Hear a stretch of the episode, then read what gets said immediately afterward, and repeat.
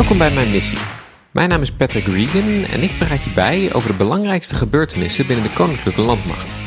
Met vandaag, nieuw materieel stroomt de landmacht binnen, rode baretten verlaten Roemenië en sportinstructeurs trainen hun neventaak. Maar eerst, terroristen hebben het gemunt op kritieke infrastructuur in Nederland. Spoorwegen, luchthavens en wegen zijn het doelwit. Hulpdiensten stellen alles in het werk om een terreurcel te ontmantelen en aanslagen te voorkomen.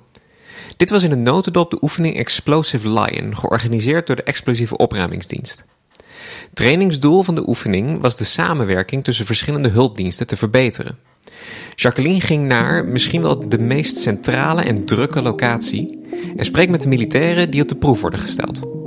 Ik sta op eh, station Utrecht Centraal, waar op dit moment een gezamenlijke oefening plaatsvindt van de Explosieve Opruimingsdienst, NS, ProRail, politie, Veiligheidsregio Utrecht, Openbaar Ministerie en de gemeente Utrecht. Naast mij staat Major Peter, operationeel adviseur namens de Landmacht. Major Peter, wat speelt er zich hier vandaag allemaal af? Ja, we staan hier vandaag in het, uh, in het hartje van Utrecht. Het stationsgebied, bij uh, heel veel mensen natuurlijk uh, bekend. En hier gaan we vandaag een scenario laten afspelen op het gebied van grof en extreem geweld. Nou, wat is hiervan belang? Dat al onze partners, dus zowel Defensie, maar ook de Veiligheidsregio Utrecht, de dienst speciale interventies, de GOR, de brandweer, de ProRail en de NS, met z'n allen dit scenario tot een goed einde gaan brengen. En het doel hiervan is eigenlijk om te oefenen op het gebied van de communicatie die onderling moet plaatsvinden bij een grootschalig incident in een complexe omgeving zoals uh, het Centraal Station in Utrecht. Maar daarnaast ook het bekijken van de processen. Hoe moeten de processen lopen? Wie is waarvoor verantwoordelijk? En hoe stemmen we dit met elkaar af? Om uiteindelijk, in het geval dat zo'n incident echt gaat plaatsvinden, met z'n allen snel, daadkrachtig en efficiënt te kunnen acteren. En waarom is het belangrijk dat er op deze manier geoefend wordt? Ja, we hebben hier te maken met een groot aantal spelers. Ik noemde ze net al even op. Zoals je kan voorstellen is coördinatie tijdens een incident als dit, waarvan de impact op de directe bevolking enorm groot is, van wezenlijk belang is. Je moet snel en daadkrachtig kunnen acteren. En dat kan alleen als je dus heel veel oefent in dit soort scenario's. En daarom zijn we hier dus met, uh, met veel spelers vandaag om dit te beoefenen. En wat is er zo bijzonder aan deze oefening? het bijzondere aan deze oefening is met name de omgeving. De omgeving bepaalt in deze. Ik gaf het al aan, het Centraal Station, dagelijks tienduizenden reizigers. Eh, dat maakt het niet alleen een lastige locatie om te oefenen, maar natuurlijk ook heel realistisch. Eh, je weet nooit waar een incident kan gaan plaatsvinden. Daarnaast het grote aantal spelers. Coördinatie onderling is van wezenlijk belang om heel effectief een casus zoals dit op te kunnen lossen. En uh, wat was de rol uh, van de EOD vandaag? Ja, de explosieve opruimingsdienst die zal vandaag uh, aan de slag moeten met meerdere incidenten op meerdere plekken hier in het, uh, in het stationsgebied. Dus ja, die hebben toch wel een hele forse uitdaging. En kun je daar iets meer over vertellen? Wat, ze precies, uh, wat het scenario is? Ja, er zal hier onder andere een incident plaatsvinden op een van de sporen met een explosief. En ook met een explosief in de, in de tunnel onder het, onder het perron. Ja, en daarnaast is er het sluitstuk van de oefening Explosive Lion. En dat is een, een grootschalig incident met een, een grote hoeveelheid mensen die uiteindelijk gegijzeld gaan worden door personen die ook explosieven en wapens bij zich hebben. Is er een reden waarom dit op deze manier wordt beoefend?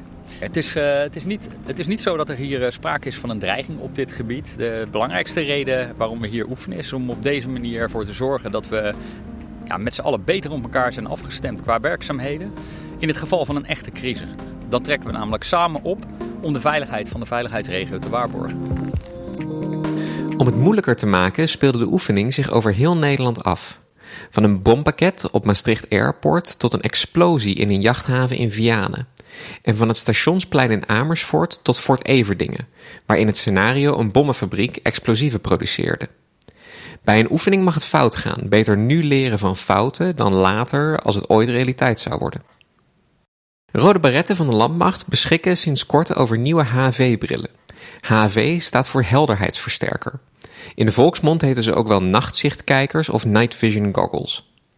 De brillen zorgen voor een helder en scherp beeld bij weinig licht. In totale duisternis kan gebruik worden gemaakt van infrarood. De panzerinfanteriebataljons uit Oorschot ontvangen de brillen binnenkort. Daarna zijn de infanteristen uit Havelt aan de beurt. Defensie vervangt alle draagbare radio's voor grond-luchtverbinding door moderne exemplaren. De uitrusting van militairen wordt hiervoor ook aangepast. Naar verwachting stromen de eerste nieuwe radio's eind 2024 binnen. De huidige radio's zijn 20 jaar oud. De techniek is verouderd en de eisen voor beveiligde communicatie zijn verhoogd. De radio's zijn belangrijk bij close air support missies. Daarbij staan grondtroepen aan het front in direct contact met jachtvliegtuigen. Zij begeleiden de vlieger naar het doel, zodat die de doelen uit kan schakelen.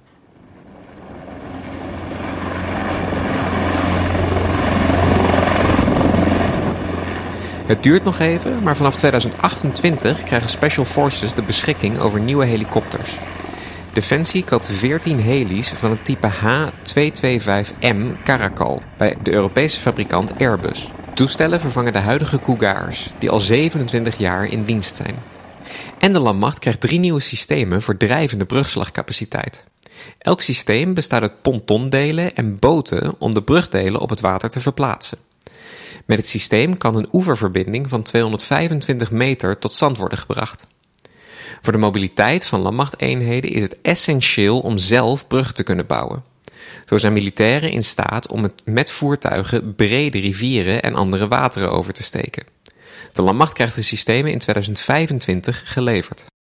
De Nederlandse bijdrage aan de multinationale battlegroup in Roemenië is ten einde gekomen. Landmachtmilitairen van 11 luchtmobiele brigade en de Genie waren het afgelopen jaar gestationeerd in het land. Aanleiding was de inval van Russische troepen in Oekraïne en de daarmee gepaard gaande dreiging aan de oostflank van de NAVO.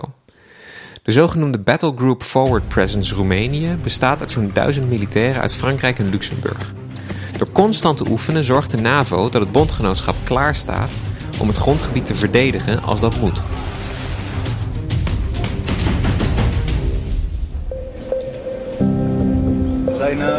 Om uh, drie uur opgestaan. Uh, we gaan straks actie in met de Fransen.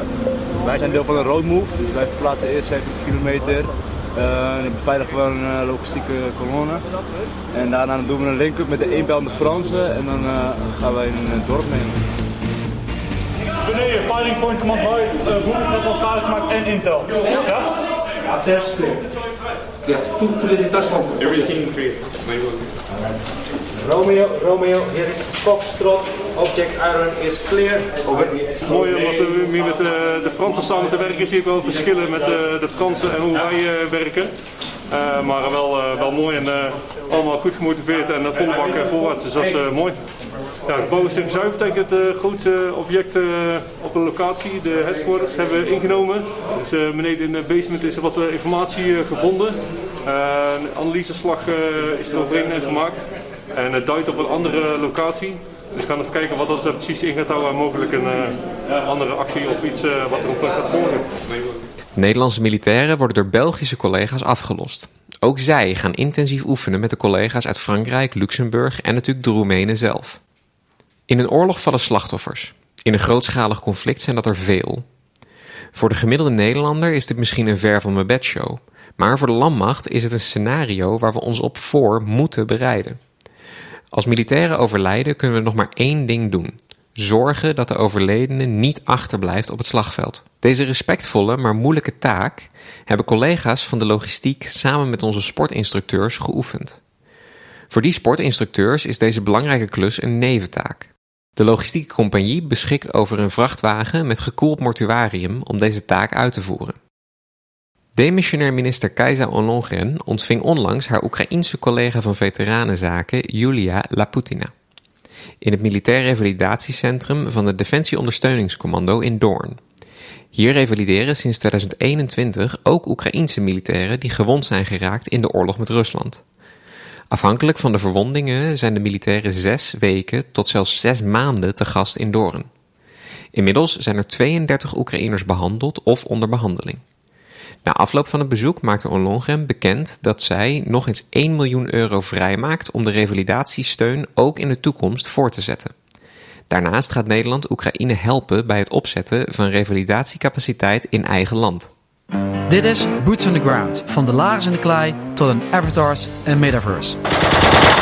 We are facing the most challenging security environment in a generation. Lid van de NAVO betekent een aanval op één is een aanval op alle. Aan de ene kant hebben we artificial intelligence, robots, nanotechnologie. En aan de andere kant hebben we gewoon de mens. Hè, met alleen een wapen, een radio en misschien wel die boots in the ground. Zo'n box waar je dan in zit noemen wij de killbox. A dictator will never erase a people's love for liberty. Hier op het kasteel van Breda, de bakermat van onze Nederlandse militaire traditie. Die bestaat uit slim en vernuftig inzetten van middelen en eenheden. Mijn naam is Gijs Tuinman, drager van de Bronzen Leeuw en ridder in de militaire Willemsorde. Dit is Boots on the Ground. Boots on the Ground, Warfighting Capable is de naam van de podcastreeks die ridder militaire Willemsorde luitenant-kolonel Gijs Tuinman de afgelopen periode heeft gemaakt. In de serie bespreekt Gijs de vijf militaire domeinen zee, land, lucht, space en cyber en geeft luisteraars een doorkijkje in de oorlog van de toekomst. Van onderzeeërs en raketartillerie tot drones, kruisraketten en extra F-35's. Alles komt aan bod. De podcasts zijn te beluisteren op iedere podcastspeler en te bekijken op het YouTube-kanaal van de Landmacht. Bedankt voor het luisteren naar mijn missie. Je volgt de Landmacht op Twitter, Facebook, YouTube en Instagram en natuurlijk door je te abonneren op deze podcast. Fijne week en tot de volgende!